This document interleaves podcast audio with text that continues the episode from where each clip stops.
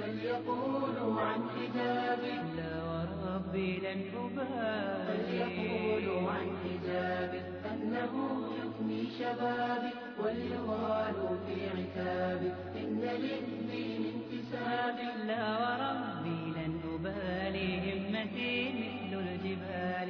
أي معنى للجمال إن غدا سل المنام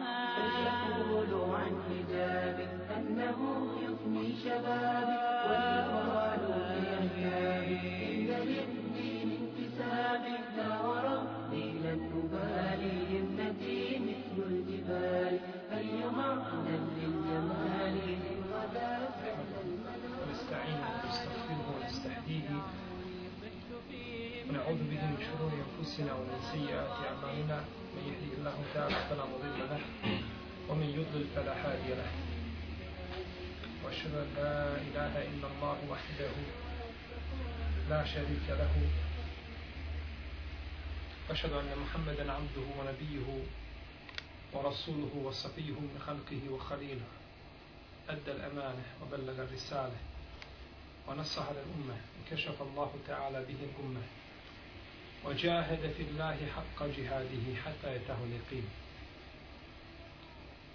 أما بعد فإن أصدق الكلام كلام الله تعالى وخير الهدي هدي محمد صلى الله عليه وسلم وشر الأمور محدثاتها وكل محدثة بدعة وكل بدعة ضلالة وكل ضلالة في النار ثم أما بعد. Draga moja braćo, mi živimo u vremenu kada je Islam onakav kakvim ga je opisao Rasulullah sallallahu alaihi u hadisu koga bilježi ima muslimu svome sahihu bede al islamu gariben wa se jaudu gariben kema bede fa tuba Islam je počeo stran na pojedincima bio je čudan u to vrijeme kada je počeo, a tako im će se vratiti.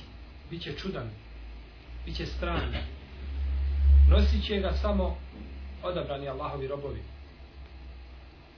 Fe tuba lil goreba, pa blago se tim nosiocima Islama, tuba je po, je po ispravnom mišljenju drvo u džennetu, kako je došlo od poslanika sallallahu alaihi wasallam, da je tuba drvo u džennetu, Pa čovjek, kada ima ovu činjenicu na umu, da je islam stran, da ljudi bježe od islama, naročito kada im se islam predstavi onakvim kakav nije, a da si ti taj koji ljude pozivaš u tu ideju koja se predstavlja crnom, moraš biti krajnje oprezan. Jer možeš lahko nauditi islamu umjesto da mu koristiš. Pa čovjek mora u svojim nastupima biti umjeren, blag, takav da ga ljudi prihvate, da prihvate ono čemu poziva. Naš poslanik sallallahu alejhi ve selleme je u svome pozivanju dao nam najljepši primjer kako čovjek treba da se ophodi i kako treba da se ponaša kao daje. Buharija i Muslim bilježe od Ebu Hureyre radijallahu anhu da je poslanik sallallahu sallam rekao ušao sam u džennet, to jeste u snu je usnio da je ušao u džennet. Pa sam vidio jedan lijep dvorac, a pored dvorca sam vidio jednu ženu kako se abdesti. Pa sam upitao čiji je ovo dvorac, pa su mi kazali to je dvorac jednog mladića od Kurejšija, Omera ibn Khattaba radijallahu ta'ala anhu. Kaže, fe zakertu gajlete Omer, fe ulejtu mudbira. Kaže, pa sam se sjetio Omerove ljubomore, pa sam otišao žurno, doslovno prevedeno, pa sam nestao. Sjetivši se šta? Omerove ljubomore. Kaže Ebu Horeira radijallahu anhu, pa je Omer zaplakao pred nama svima i kaže, al, bi ebi ente ja Rasulallah, alejke var, kaže Allahov poslaniče sa mojim ocem te iskupljujem, zar da budem na tebe ljubomoran. Pogledajte Allahov poslanika sallallahu alejhi ve selleme kako je gledao na osjećaje ljudi, a on u snu. Spava i sanja da je ušao u snu, vidi znači da je ušao gdje u u džennet i da je vidio, gdje, no međutim, pored toga, kaže, kada sam se sjetio Omerove ljubomore, pobjegao sam. Pogledajte kako je u snu pazio na osjećaj ljudi. Šta mislite kakav je onda bio u svojoj javi? Kakav je bio kada je surađivao sa ljudima?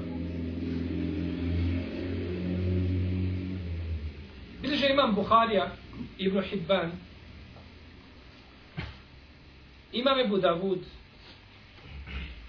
od El Misfera Ibn Mahreme radijallahu anhu, kaže, kada smo bili na Hudejbiji, došao je Urva ibn Mes'ud. Došao je kao mušik da pregovara sa poslanikom sallallahu alejhi ve sellem. Pa je sjeo pored njega i razgovarao sa njim i stalno bi svojom rukom, rukom doticao bradu poslanika sallallahu alejhi ve sellem. Jer kod Arapa je bio običaj da kada priča neko sa nekim stalno ga gladi po njegovoj bradi, dotiče njegov brad, to je bio znak, znači, pažnje i poštovanja. Pa kada god bi pružio svoju ruku da pogladi po, gradi, po bradi poslanika sallallahu sallame, tu je stoje jedan čovjek i udario bi sa sabljom po njegovoj ruci. Kaže, ahir jedak ja lihiti nebi sallallahu sallam. Kaže, miči svoju ruku sa brade poslanika sallallahu sallam. Pa je to dosadilo Urvi. Kaže, ko je ovaj čovjek više što ovako govori? Nije ga poznao zato što je došlo u verziji kod imama Tabaranije i kod Ibn Hibana kaže fetelesceve očhe, pa je pokrio svoje lice. Nije ga poznao ko je. Kaže, to je tvoj bratić, El Mughire ibn Šobe. Tvoj bratić ne dozvoljava, dozvoljava svome Amidži, da dotakne bradu poslanika, sallallahu sallam, zato što je mušrik. Pa mu kaže, Urve kad je to čuo, kaže, a ti si, kaže. Ti si, ejuhal gadir, kaže, ti si o prevarantu jedan. Elestu es'ati gadretik, kaže, zar i danas nisam žrtva tvoje prevare. Kada su bili u džahidijetu, El Mughire ibn Šuabe je izišao sa 13 ljudi na put iz Fekifa od Benu Malika. Pa su pijeli alkohol, ponapijeli se, pa je ustao i svi ih pobio. I uzeo njihovi metak i pobjegao poslaniku, sallallahu alaihi sallam. Došao, kaže Allah, poslaniče, ja primam islam i evo par. Pa da bi izbjegao rat između Benu Malika i El Ahlafa, dva plemena, došao je ko? Urva ibn Mas'ud i platio otkupinu za 13 ljudi. Znate kolika to iskupina bila? Za cijeli život da radi da ne može platiti. Kaže, zar i dan danas ja ne plaćam, kaže, tvoju prevaru. Pa je došao poslaniku, sallallahu alejhi ve selleme, al Mughir ibn Shu'ba prima islam. Pa mu kaže Rasulullah sallallahu alejhi ve selleme: "Amma al-islamu fa akbeluhu minu. Kaže, što se tiče islama, primam ga, ti si musliman. Emmel mal, pelestu min hufišej. A kaže, što se tiče tih para, ja sa njima nikakve veze nema. Ne trebaju. Zato što su uzete prevarom. Pa je odbio da primi šta? I metak. Koga je donio? Prevar.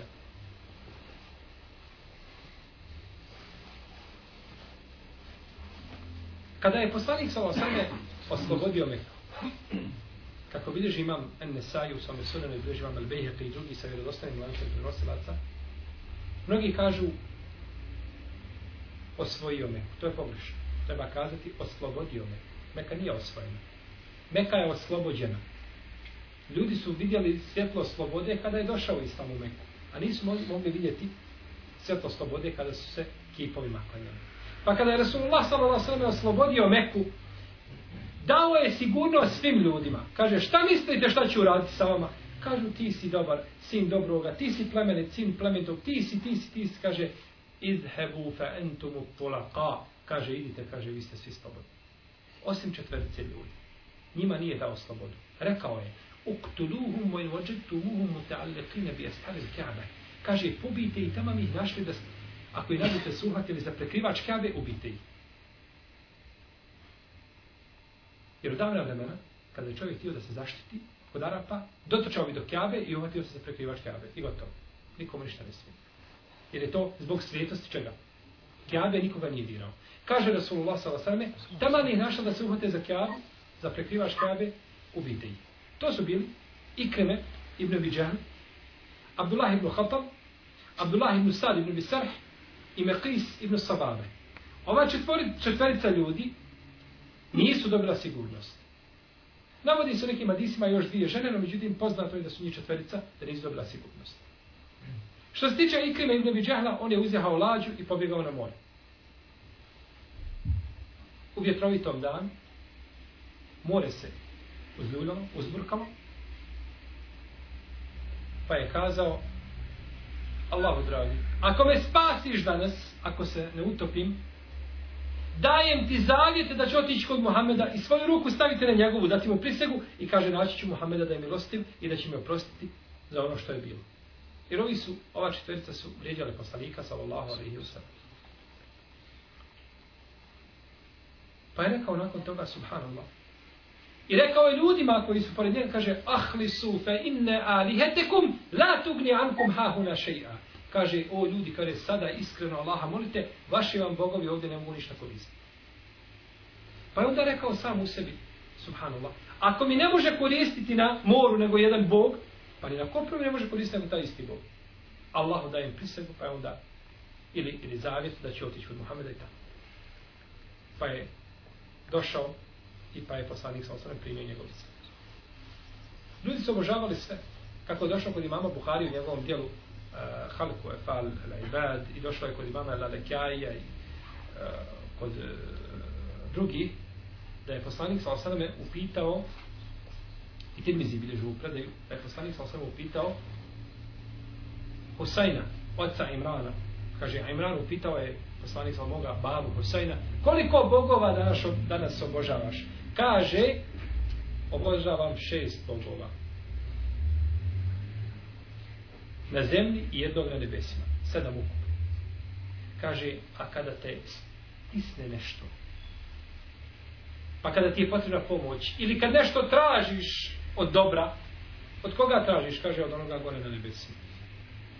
Od onoga na nebesima. Pa je ikada primio islam? I bio dobar musliman. I znamo da Ikrime prenosi brojne hadise od Ibra Abbas. Da ne vaje Ikrime od Ibra Abbas, prenosi muslim u svome sahiju. Buharija to nije prihvatio, ali prihvatio ima muslim. Što se tiče Mekisa ibn Sababe,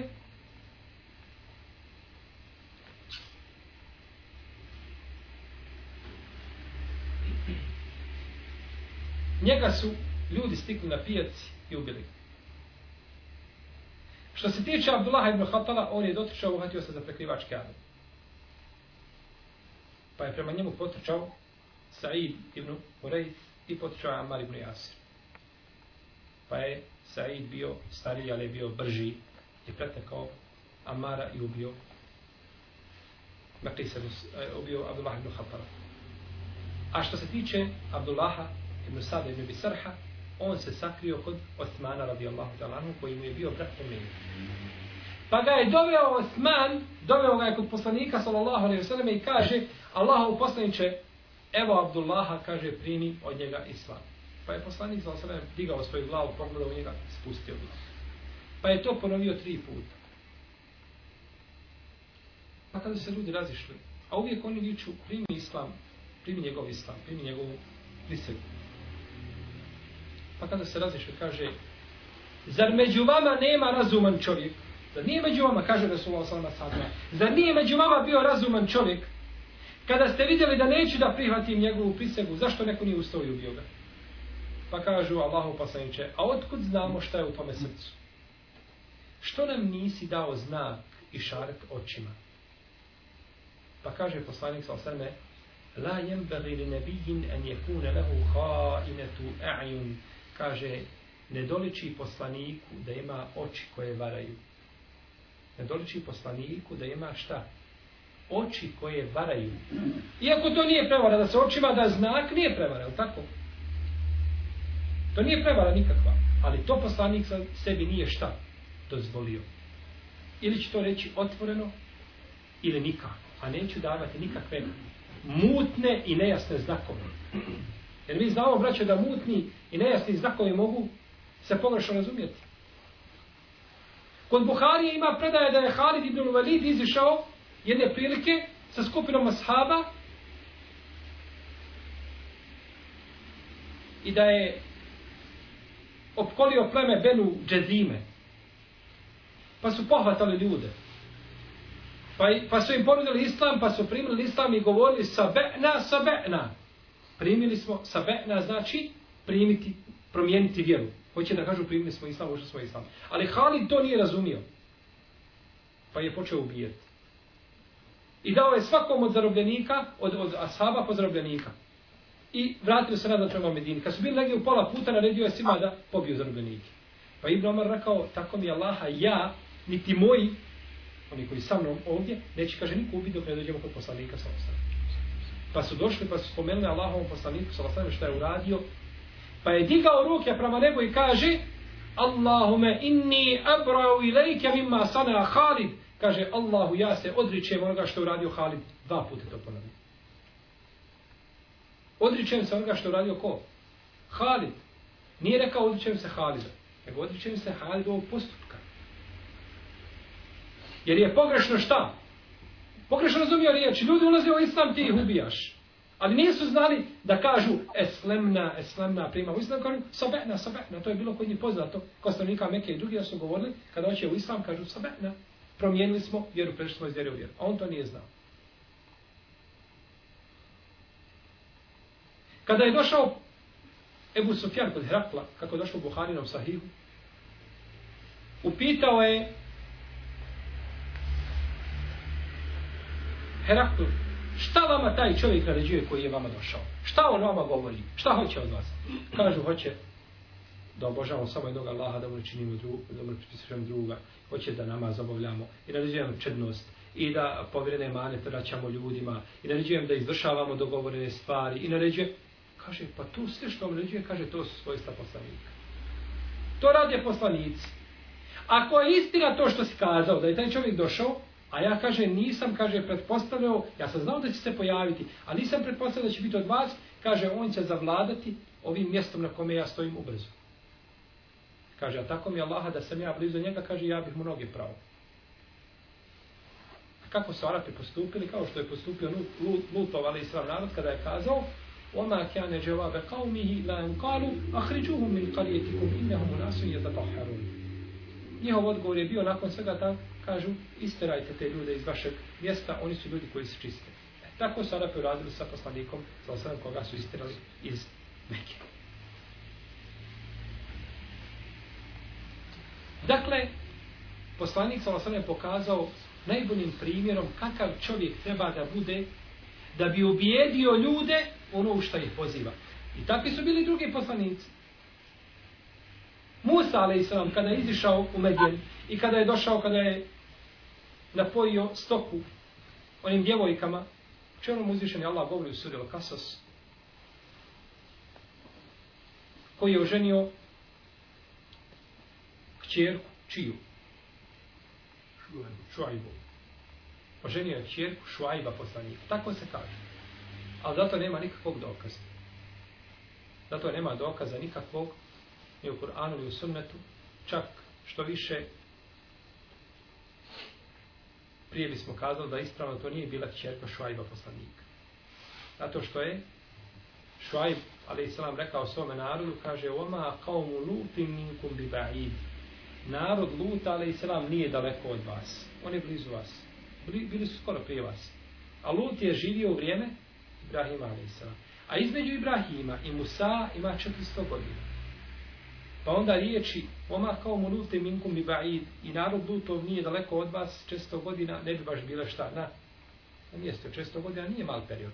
U svakom slučaju nije bitno. Bila njegova čerka, ne bila, nije bitno. Kada je došao kod toga dobrog groba,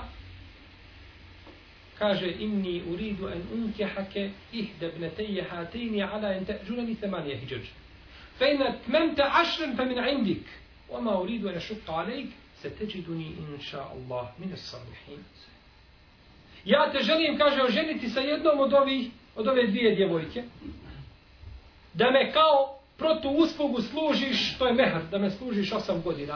A ako potpuniš deset, to je od tebe. Ja ne želim da ti poteškoće pričinjavam, vidjet ćeš me i naći ćeš me da sam dobar čovjek. Vidjet ćeš kad budeš živio sa mnom osam godina i kad budeš vidio kako se ja ophodim prema tebi i kako se ponašam, bit ćeš da sam dobar čovjek. Za razliku od onoga ko bi se grubo ophodio prema nekome. Kako je došlo muslimom sahihu da je došao rob od Hatima ibn Ebi Belta. I došao kod poslanika, da kaže, Allahov poslaniče, ja Rasulallah, la yedhulenne hatibun in nar. Kaže, Allah poslaniče, hatib će sigurno u džahennem. Još kaže, wallahi, ne jedhulenne. Tako mi Allah kaže, hatib će u vatru. Kaže mu poslanik sa osam, kedeb, ma yedhulenne. Kaže, lažeš, neće u džahennem. Fa innehu šehide bedren u hudejbije. Kaže, on je bio na bedru i bio na hudejbiji, neće u vatru. A Hatim ga udarao, izudarao roba i rob je došao kod poslanika i odmah sudi da će on gdje? u džehennem, završeno. Dok se mene udari u džehennem ćeš. Pa kaže poslanik kako došlo u hadisu od Buhari kod muslima od Ade, Ali je Allah anhu kaže لَعَلَى اللَّهَ عَزَّ ala ehli bedrin fe kale i'malu ma ši'tum fe kad gafartu lakum.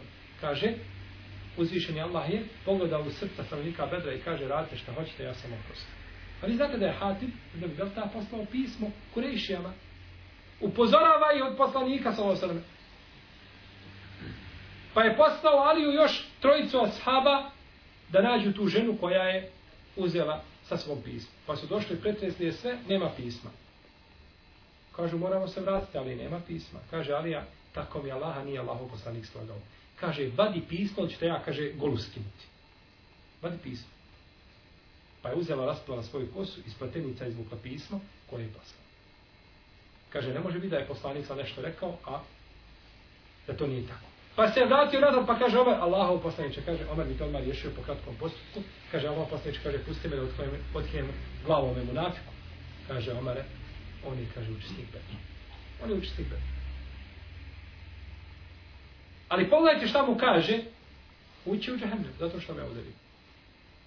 I to je priroda čovjeka. Kada je upitan Ibn Abbas, koja, koji od dva perioda je upotpunio Musa, ale i sana, kaže, pitanje Sa'id ibn Džubeir, koji je, kaže, vallahi, ja ne znam, moram, kaže, ići pitati najučenijeg Arab, Ibn Abbas. I zaista je došao kod najučenijeg. Pa ga je pitao, kaže, taj rok koji je bio duži i potpuniji, upotpunio deset godina. Takvi su poslanici bili. Kada nešto kaže, uradi. I zato, braćo, ljudi vole riječi poslanika. Naravno poslanika Muhammeda s.a.v. Vole kada nešto govori. Jer poslanik kaže i uradi. I nikada neće prekršiti, neće raditi suprotno onome što priča. Za razliku od ljudi koji ponekad jedno pričaju i drugo rade ili obrat. Stoga kažemo ljudima koji i dan i noć sjede i mudruju i glave sebi razbijaju i svaki dan ili minute zakone mijenjaju. Prvo su napisali sve kako se im sad treba vladati šta smije, šta ne smije. Pa neka stvar koja je u ome vijeku bila smrtni grijeh i zločin kod njih, u narednom vijeku je dozvoljena, je tako? Droga je nekada bila strogo zabranjena, pa su to neke zemlje olegitimile da se može javno prodavati i to više nije zabranjeno. Pa mijenjaju kako situacija dolazi i ostavljaju u svojim zakonima rupetine da se mogu oni šleperi veliki provlačiti kroz njih izlaziti i nikome ne smeta. Evropski zakon je napisan na 80.000 stranica. Ako čovjek u koga ne hapsiš, ako mu ne kažeš kakva prava ima zato što je ubio silova i tako dalje, nemaš pravo suditi tek tako. On ima pravo da kaže, nisi mi rekao moje prava. Ubio, zaklao, ukrao, belaj napravio i moraš mu kazati njegova prava. Tvoja su prava da budeš kažnjen. Ako si ubio, da ideš na vješama. To su tvoje prava. To je pravda. To je jedan za jedan. To je pravda. To je matematika jedan plus jedan koju znaju mala djeca.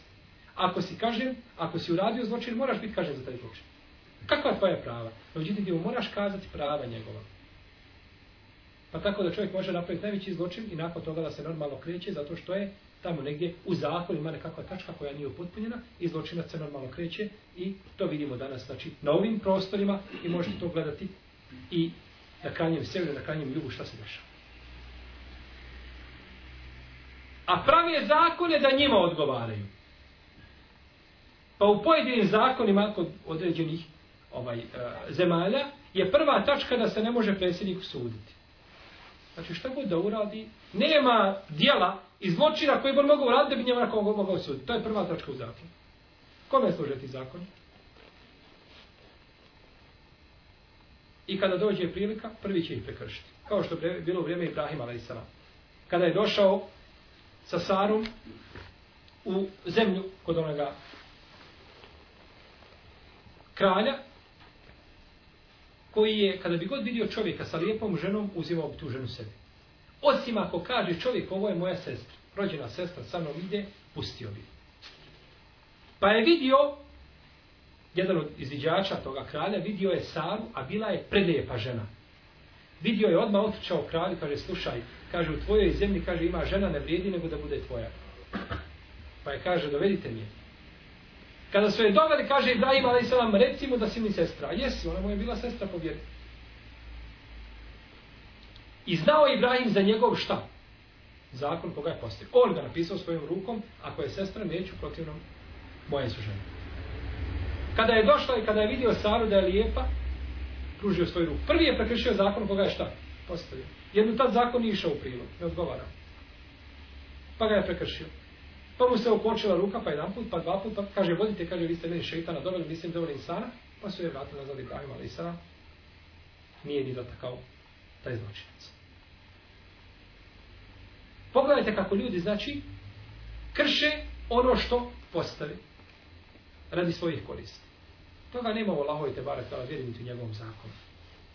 Koji je puka pravda. Kome je, svakome je dao njegovo pravo. Svakome je dao njegovo pravo. Bileži imam Buhari u svome sahihu. Od Ebu Horeira radijallahu anhu da je poslanik sa osam rekao Thalathetun ene hasmuhum jeumel qiyame Omen kuntu hasmuhu hasamitu Kaže, tri skupine ljudi, ja sam njihov neprijatelj na sudnjem danu. A čiji ja budem neprijatelj, taj je propao sigurno. Ređulun a'ta bi thumme gadar. Čovjek koji dadne u moje ime, potom prevari. O ređulun ba hurren fekele semene. I čovjek koji proda sloboda čovjeka i pojede taj metak. O ređulun isteđere eđiren festeufa minhu volem jorfi. I čovjek koji iznajmi sebi radnika i ovaj mu pošteno radi i ovaj neće da mu plati. Kaže, ovoj trojici ja sam, kaže, Allah te barake od ta'ala, ovaj hadis kucija, salasetun ene hasmuhum je umen qiyama. Trojici, kaže uzvišen, ja sam im, omen kuntu hasmuhum hasamitu. A čiji ja budem neprijatelj, taj je izgubio. Čovjek koji da u moje ime potom prevari. Da u moje ime zakletvu ili ugovor ili zavjet, potom ga šta? Prekrši. Hoćeš li? Hoću, vallahi. Hoću tako mi Allah. I onda prevari. Ako već mora biti laž, nemoj da bude onda pod zakletvom. Ta je laž manji grije od ote da hoću vallahi najtežom zakletvom se zakuneš i onda to namjerno prekršiš nećeš. Takvo mi na sudnjem danu uzvišen je Allah mu je šta? Neprijatelj. A kome bude neprijatelj, taj izgubi. U režulun ba hurran fakele temene i čovjek koji proda sloboda čovjeka popojede taj med. Kako? Kažu učenjaci, imaš roba, radi kod tebe i oslobodiš ga. Idi slobodan se. I on ostane još jedno vrijeme kod tebe, nema kuda, lijevo, desno, i ti onda uzmeš i prodaš ga pod roba. A već si ga šta prije toga oslobodio. Kada ga oslobodiš, više ga ne možeš vratiti u robstvo, to je završeno. Jer je braćo robstvo za čovjeka najveće poniženje. Da čovjek bude rob. Da robuješ ljudima. Da budeš u robstvu kod ljudi, to je najveće poniženje. Jer čovjek jedino robuje stvoritelj te barake. Pa da robuje kod ljudi, to je poniženje. Jer rob nema ništa, on ne posjeduje ništa. Šta god ima od imetka, to pripada njegovom vladaru, nije njegovo. Koliko god da ga fitneti snađu, ne može se ženiti dok mu ne dozvoli njegov vladar. Kaže poslanik Salasarme u hadisu, koga bilježi imam Tirmizi, imam Ahmed, i Ebu Davud i drugi od Džabira, Ejume abdin te zauđe, bihajri iznime izni me valihi fahu ahir.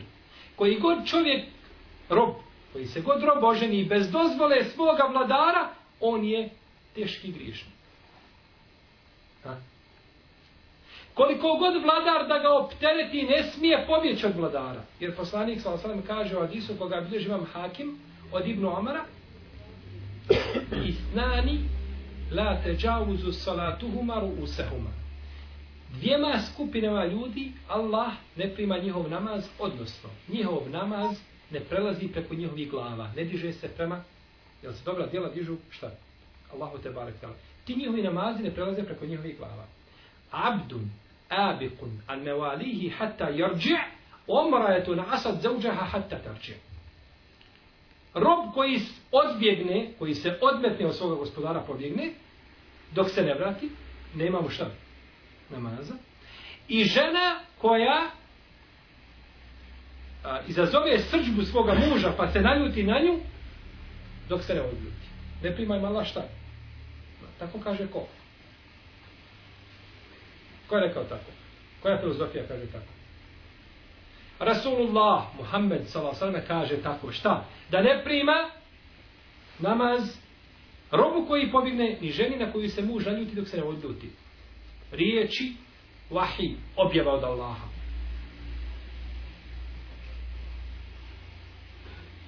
Stoga je rekao poslanik s.a.v. u hadisu koga bilježi imam Abu Davud od Ibnu Omara Inna l'abde iza nasaha li sejidihi wa ahsene ibadata rabbihi, kjane lehu ažruhu marrate. Koji god rob bude nasihat činio svome vladaru i bude obožavao svoga gospodara, ima dvije nagrade. Pa, pa pogledali gdje je ovdje stavljeno. Nasihat gospodara, vladaru je stavljen uz obožavanje stvoritela Tabara Kevotala da ukaže na vrijednost toga, na vrijednost pokornosti vladaru. Pa stoga je rob, za roba je to veliko poniženje. Veliko poniženje. I danas nema tog robstva klasičnog. Nama jedan profesor pričao da je vidio jednog roba u jednom restoranu u Saudijskoj Arabiji. Pa ga je pozvao, kaže, jesi ti rob? Kaže, jesam. Pa kaže, što ne tražiš da te oslobodi? Kaže, što ću tražiti da me oslobodi? Kaže, moj me, kaže, vladar, kaže, oženio dao mi, kaže, kuću gdje stanovati, kaže, ja ga služim, kaže, živim, kaže, ljepše mi nego da sam slobodan. No, međutim, koliko je takvih koji daju robovima ta pravo.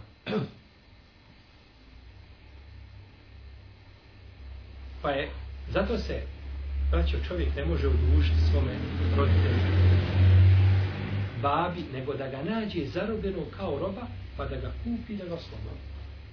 Znači, jedini put jedini način da se odužiš svome babi jeste da ga zarobi neko i da bude u robstvu i ti dođeš, kupiš ga, oslobodiš ga, kažeš babo, slobodan si sada. E, tada možeš kazati babo, jedan za jedan. Drugačije nikako. Kada bi cijeli dunjalu kod istoka do zapada i od sjevera do juga kupio i bio tvoj i rekao svome babi, babo, sada je sve to tvoje, ja to sve poklanjam kao hediju, ništa uradio nisi. Nemoj slučajno da ti šeitan priđe pa da se zavaraš da kažeš ja sam bar, ništa uradio nisi.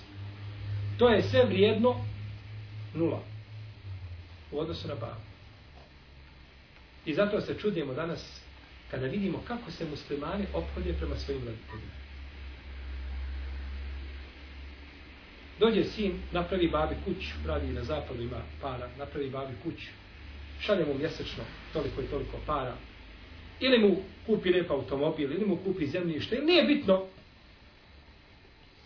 I odma babu vidi ispred sebe ovako mali. E ovako je njegov babo ispred njega, ovako mali. Još samo ne kaže Allahu dragi, kako će se moj babo meni odužiti za ovo što sam ja uradio. On meni se ne može odužiti. Šta sam ja uradio? Posmatra babu kao da ga gleda sa desetog sprata.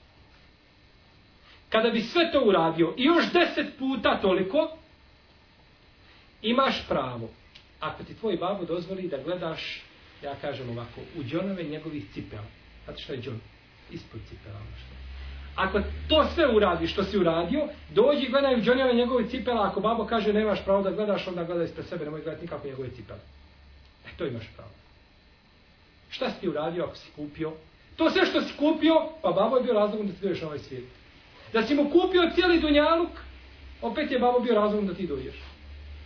To je opet sve njegova zasluga, nije tvoja. Pa se ne možeš odužiti roditelju nikako, osim kako da ga nađeš zarobljene da ga oslobodiš. Tako je rekao poslanik Salosa.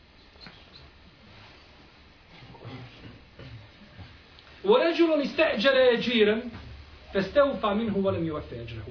I čovjek koji iznajmi sebi radnika, i ovaj mu pošteno radi, ovaj neće da mu plati. I ovo je danas problem vremena. Možete pričati, šta god da kažete da se dešava, niste pogriješili, ima i gore od toga. Koliko ljudi radi, radi, radi, na kraju ga mora zakinuti za nešto, ili mu ne plati, ili... A došlo je u hadisu koga bilježi Ibn Mađe od Abdullaha ibn Omara i bilježi ga Ebu Jala od Ebu Hureyre i Tabarani od Džabira i bilježi ga El Hakime Tirmizi od Enesa da je poslanik sa osreme rekao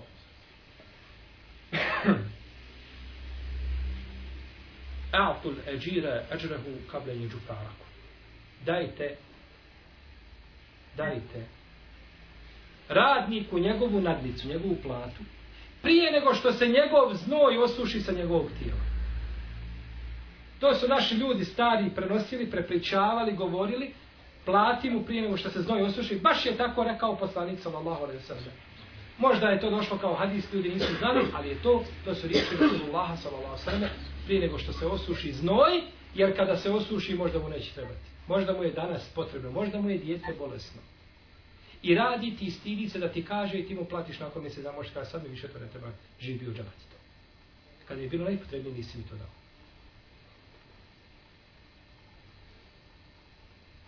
Stoga je obaveza, draga moja braća, čovjeku da bude otvoren, da bude transparentan, da bude jasan sa ljudima koje i šta je u predstavljanju islama.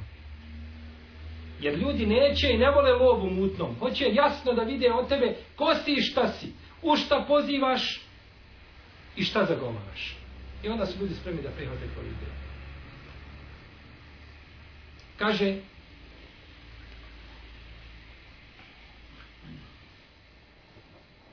Huzeife, Ibn Lijeman, kako bi ima muslim u svome sahiju. nije me spriječilo ništa da iziđem u bitku na Bedru, osim to što smo ja i moj babo Husayn izišli iz Mekke i krenuli u Hidžru. Krenuli smo u Hidžru gdje? U Medinu. Pa su nas presreli mušici i kažu, kuda idete? Kažu, idemo u Medinu poslovno. Kažu, ne, ne, ne. Vi idete u Medinu radi Hidžre, mi dobro znamo kuda ćete. Vi hoćete Muhammedu da ga pomognete u borbi protiv nas. Kažu, nećemo, mi idemo u Medinu poslom, vraćamo se poslom, ne poslom, kažu dobro. Dajte vi nama obećanje da se nećete boriti sa Muhammedom protiv nas. Kažu dajemo obećanje. Pa je došlo, došlo u Medinu, pa kad je bila bitka na Bedru, kazao je Huzeyfa radijallahu anhu, Huzeyfa ibn Iman kaže Allahu poslaniče, sam, sa mnom i sa mojim babom desilo se tako i tako. Pa kaže Rasulullah s.a.v. Ne fi lehum bi ahdihim o nesta'inu Allahe alaihim. Kaže, mi ćemo njima upotpuniti ugovor koga si dao, a mi od Allaha tražimo pomoć protiv njih. Ha? Šta ćemo? Upotpuniti ugovor koga si dao, a od Allaha ćemo tražiti pomoć protiv njih. Pogledajte ovdje. Poslanik sa osame je dozvolio Huzeifi i nije mu osudio to što je slagao. Je slagao Huzeifi? Jesi. I dozvolio mu je šta da slaže. Ali mu nije dozvolio da prekrši šta? Obećanje i ugovor. Pogledajte te otvorenosti, te transparentnosti prema ljudima. Obećao si. Jer je čovjek dozvan da slaže u tri slučaje. Da pomiri dvojicu muslimana, koji su zavađeni, pa muslimana ne priči, pa da odeš kod jednog, pa kažeš bio sam kod tvoga brata muslimana, kod toga i toga, muju i sulje se zavadili nešto. Odeš kod muje, kažeš, čujem kako sulja o tebi priča pohvalno, kaže da volio s tobom kahu popiti, nego išta. A suljo u mukama toljagu nekako pripremio za muju, čeka ga samo da mu naiđe, pa odeš kod drugog isto to kažeš, a i ovaj ga vamo negdje preko nišana gleda, da bi šta? Po milio. I lažeš i laž šarijatski dozvoljena. I čovjek čak ima da tu laž šta? Nagradu. I druga vrsta laži da čovjek laže ženi i žena mužu. Da čovjek slaže ženi i žena mužu. Tamo gdje se ne uzimaju prava. Ovo, ovaj dio, ovo rečenicu ko ne želi zapamtiti, neka zaboravi još se ne rekao. Jer ova prva rečenica ne vrijedi bez ove druge. Muž ženi i žena mužu tamo gdje se ne uzimaju njihova šta? Prava. Ha. Tada smiješ slagati ženi. To je pravilo. Kad ga znaš, lako će znati smiješ li ili ne smiješ. Žena ti kaže pripremila ručak, ručak sam izgorio, ništa nisi čim. Kaže, kakav je ručak, je li dobar? Odlično. I ti kažeš, odlično nikada ovakav nije bio. A ti kod da klikere gutaš. Tako. Ako kažeš da je ručak dobar, jesi uzeo njeno pravo? Nisi. Jel se olakšava harmonija života na takav način? Jesi. Jesi izbjegao belaje? Jesi. Znači, nikakvog zla nema u tome.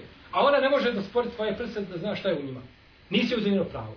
No međutim, na primjer, kaže ti žena, evo ti pismo, molim te, hitno je, idi ovo pismo, pošalji mome babi u Njemačku, pošalji ga danas hitno. I ti odeš tri dana, ti zaboravio i pismo i sve.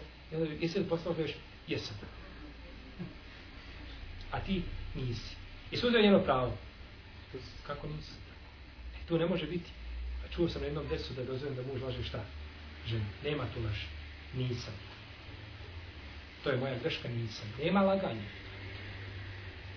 Jer tu se ne... Po... Kad ona to sazna jednog dana, to nisi uradio, tako, nema tu harmonije života, tu se samo kvare odnosi. Znači, tamo gdje se ne uzimaju šta? Prava, jedni i drugim, tu je dozvoljeno gdje da se... I treća stvar, ili treći slučaj kada je dozvoljeno da se laže, jeste neprijatelj u ratu. Kada je Huzeyfe slagao mušicima, je to bio rat? Kako nije bio rat? Mušici u zavadi sa muslimanima, napadaju muslimane, proganjaju muslimane, pa mu i tu dozvoli da lažu. Ali je dao obećanje koje nije smio šta. Tako Zato se braći u lema naša razilazi. Kažu, kada bi te neprijatelj zarobio i dovedu te i zatvorete. I kažu tebi, ako ti ostavimo otvorena vrata, nećeš li pobjeći? I ti kažeš, neću. I oni ostaje vrata i. Smiješ li pobjeći? Tu se naša ulema spori braći. Ima mali, kaže, ne smiješ. Je za obećanje, jesi, ne smiješ pobjeći. Čekaj ga i čekaj sudbine. Nema bježanja. Zato što se šta? Obećao. Nema kršenja obećanja. Dok imam Ebu Hanife i Šafija kažu smiješ. To je ispravno mišljenje, zato što je to rat. No međutim, pogledajte dokle idu naši pravnici, poput imama Malika, imam uh, Darul Hidžra, koji kaže, nema bježanja. Dao se obećanje gotovo. Poslanik sa osam kaže od Isu braća koga bilježi imam Buhari u svojoj povijesti od Amra a, ibn al-Hamika al-Huzaja radijallahu anhu kaže Men emmene ređulen ala demihi فقتله فأنا بريء من القاتل وإن كان المقتول كافرا ko dadne ko dadne sigurnost čovjeku na njegov život potom ga ubije ha. nećeš li me ubiti kaže neću imaš riječ od mene da neću potom ga ubije kaže Rasulullah s.a.v. ja se odričem ubice taman ubijen je bio nevjernik. Nevjerniku se dao riječ da ga nećeš ubiti. I potom ga ubiješ Allahom se poslanik tebe odriče. Jer si varalica a toga kod muslimana ne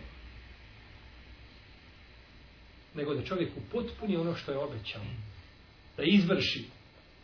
Kaže Džabir radijallahu anhu rekao mi je poslanik sa osam jednoga dana لو قد جاءني مال البحرين لأعطيتك هكذا وهكذا وهكذا فبسط يده ثلاث مرات kaže ako mi dođe imetak iz Bahreina daću ti ovako i ovako i ovako pa je tri puta pružio svoju ruku a, i šak je da će mu baciti znači imetak pa je Resulullah s.a.v. preselio i nije došao imetak iz Bahreina gdje je bio namjesnik El Ala e, e, ibn Hadremi, poznati, znači ashab, koji je pregazio more sa konjericom. Kako spominje imame Zehebi u svom djelu Sir, i kako spominje Ibn Sal u svom djelu Tabakat, da je uzeo vojsku i prešao preko mora, da je jahao preko mora sa vojskom, kao po pustinji kada čovjek gazi po koje je malo pala kiša. To je bilo od kerameta njegovi i njegovi vojsci. Pa je bio namjesniku Al-Bahrenu i slao je pare poslaniku, sallallahu sallam, Pa kaže, ako mi dođe i kaže Džabir da će tako i tako, pa je Resulullah s.a.v. preselio, a nije Džabir ništa dobio.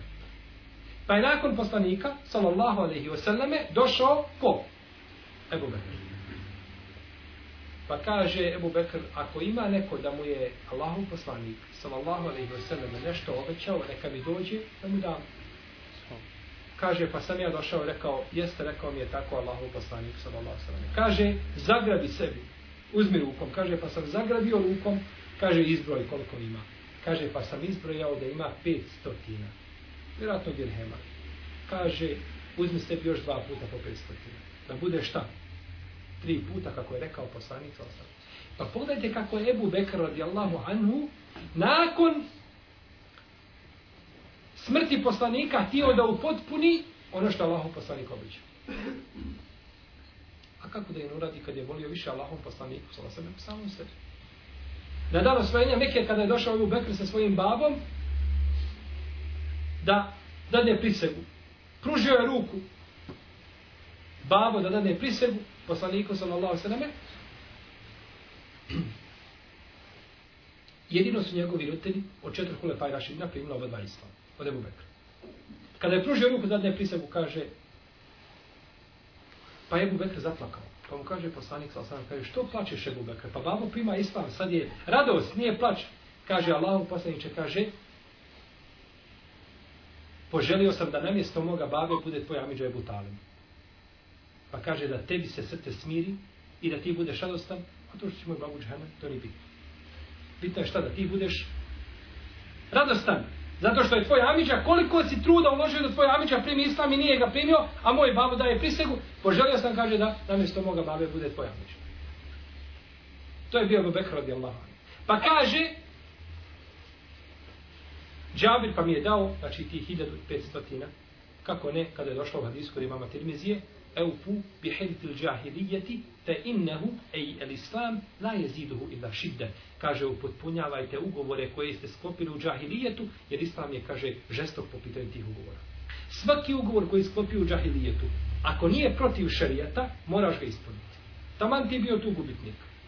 Sklopio si ugovor i vidio da ne ide, da ćeš tu biti gubitnik u toj trgovini, ti moraš ispoštovati svoje, osim ako je bilo kupovina stvari koja je zabranjena šarijatski ili E, djelo koje je zabranjeno u šarijetu, tada ne izduže da to ispuniš. U protivnom moraš to ispuniš. Jer će biti čovjek tada neistinit. Biće lažo. Kaže Abdullah ibn Amir, kako bilježi vam Ebu Dawud u svome sunenu sa ispravnim lance prenosilaca, došao je jednog dana poslanik sa osnovime kod nas. A moja majka me zove, kaže, Ta'al, otik, dođi vamo, kaže, da ti nešto dadnem. Pa je pita poslanik sa osaname, a on je to zapamtio kao dječačić, kaže, a šta ćeš mu dati? Kaže, daću mu datu. Daću mu datu. Kaže, da mu nisi namjeravala ništa dati, bila bi ti upisana jedna laž. Dijete zoveš, odi vamo, hodi vidi nešto, vidi, odi vamo. Kad dođe uhatiš, kaže, sad si moj gotovo.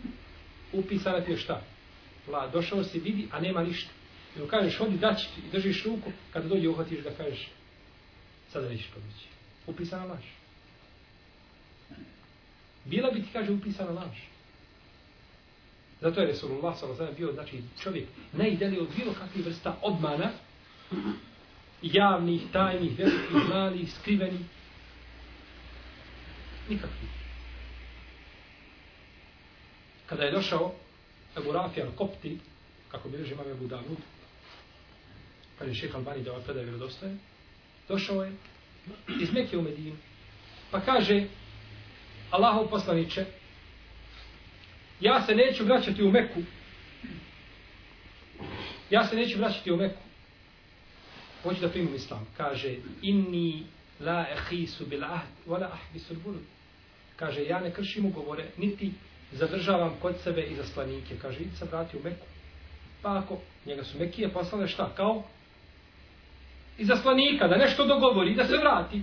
Kaže, ti se vrati u Meku sa ovim što smo mi riješili, pa nakon toga ako osjetiš u svome srcu ljubav prema islamu, ahlan osahlan burum, dođi pa primi islam. Pa je tako uradio. Ali ga nije poslanik sa osam zadržao. Biljež Ibn Mađe u svome sunenu, od Nu'mana Ibn Bešira sa ispravnim lancem prenosilata, kaže, došao je jednog dana poslanik sallallahu sallam i dao mi je grozdac i kaže, o Nu'man, idi, kaže, ovaj grozdac i nosi ga svojoj majici. Kaže, pa sam uzeo grozdac i usput, bobu po bobu, bobu po bobu, pa sam došao kući, nema ništa. Pa me je sreo nakon tri dana ili četiri, kaže, o Nu'man, šta bide sa grozdacem? Pa kaže Allah poslaniče, tako i tako, ja usput, bobu po bobu, kaže, fesemani gudar, pa me, pa me je nazvao prevarant. Pazite, da je on donio svojoj majci grozdac, Šta ga kazala? Pojedi ga, tako. Kao i svaka majka svome djetetu, pojedi ga. No međutim, ti nisi ispunio ono šta? Čime si zadužen? Pa ga je nazvao prevarant. Iako bi mu to majka dala bez sumnje, no međutim, ti si trebao odnijeti. Pa nakon toga ti i tvoja majka šta odluči, to je druga stvar. Kaže Džabir, kako bilježi Ibn Mađe, sa ispravnim sredom, pričali su ljudi šta su najčudnije vidjeli u Habeši, kad su ošli u Hidžu. Pa kažu, vidjeli smo, kaže, ženu staricu da hoda i nosi na glavi jednu posudu veliku. Pa je prišao jedan mladić sa njenih leđa i gurnuo je tako da je pala na koljena. Posuda je, znači, pala na zemlju i slomila se. Voda se prosula. Kaže, pa je ustala i okrenula se prema njemu. Kaže, vidjet ćeš se ufetera ja ejuhel budar. Kaže, vidjet ćeš pravarantu jedan. Jer je to pravara iza leđa da nekoga gurneš. Znaš što staricu ženu? Kaže, vidjet ćeš kada Allah sakupi prve i posljednje. Vidjet ćeš, kaže, kako će biti između mene i tebe. Vidjet ćeš na sudnjem danu. Pa je rekao Resulullah sallallahu sallam, sadakat, sadakat, kejfe ju akiru Allahu qawmen ili ummeten la yukhadu li da'ifihim min šedidihim. Kaže, istinu je kazala, istinu je kazala, kako kaže da uzvišeni Allah dadne prosperitet ili napredak određenim ljudima ili određenom umetu i narodu, a kaže kod njih slabi ne može uzeti svoje pravo od jakoga. Nema to napredka. Gdje god slabi ne može uzeti pravo, kako je rekao Abu Bekr kada je uzeo vlast, i kaže svaki slabi će kaže uzeti svoje pravo od jakoga dok sam javna. Dok toga nema, nema ni prosperiteta na. Obaveza je, draga moja braća muslimani, kako sam već rekao, budući da smo oduljeli više nego što smo planirali, da bude otvoren i da bude jasan, da bude iskren sa ljudima. Samo na takav način može u najljepšoj slici predstaviti islam. U protivnom, neka se boji svako od nas, Allaha te barake o teala, kakvim će licem svesti svoga gospodara ako ne predstavi islam na način kakvim je došao poslanik sallallahu alaihi wa sallam. Molim Allaha te barake o teala da nas učini od onih koji slušaju govor i slijede, slijede najispravnije, da nas pouči sunetu poslanika sallallahu alaihi sallam i da nas spoji sa njim u dženevskim prostranstvima i sa njegovim ashabima Ebu Bekrom, Omarom, Osmanom, Alijom i Muavijom Allahu ta'ala alam, sallallahu alaihi wa sallam, Muhammed, wa ala alihi wa sahabi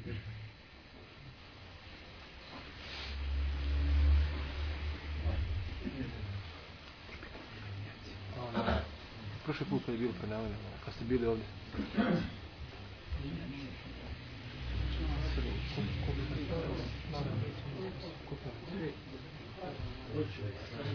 Završeno.